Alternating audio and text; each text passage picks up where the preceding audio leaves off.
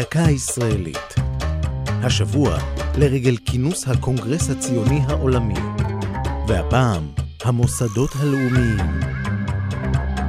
בתחילת המאה ה-20 הכירו מדינות העולם בכך שלתנועה הציונית מטרה ברורה, להקים לעם ישראל בית ומולדת בארץ ישראל.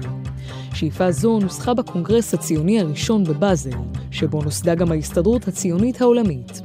ההסתדרות הציונית איגדה את הגופים הפועלים למען מטרות הציונות. כיום ממשיכה ההסתדרות לפעול ואף לכנס מדי חמש שנים את הקונגרסים הציוניים בירושלים.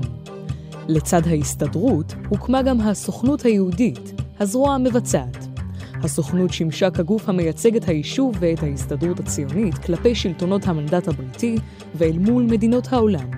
נשיא הסוכנות הראשון היה דוקטור חיים ויצמן, ובהנהגתו פעלה הסוכנות היהודית לשימור הקשר עם יהדות התפוצות ולחיזוקן, לצד עידוד עלייה וקליטתה. בתפקידים אלו ממשיכה הסוכנות לפעול גם היום. במקביל נוסדו הקרן הקיימת לישראל, קק"ל, וקרן היסוד. פעולות הקרנות שזורות זו בזו עד היום. קרן היסוד היא הזרוע הכלכלית, ואילו קק"ל רוכשת קרקעות להתיישבות, ועוסקת בייעור ובפיתוח תשתיות.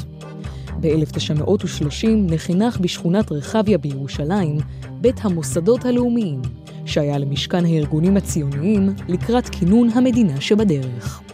זו הייתה דקה ישראלית על הקונגרס הציוני העולמי והמוסדות הלאומיים. כתבה יעל צ'חנובר, ייעוץ הדוקטור מרדכי נאור, עורך ליאור פרידמן.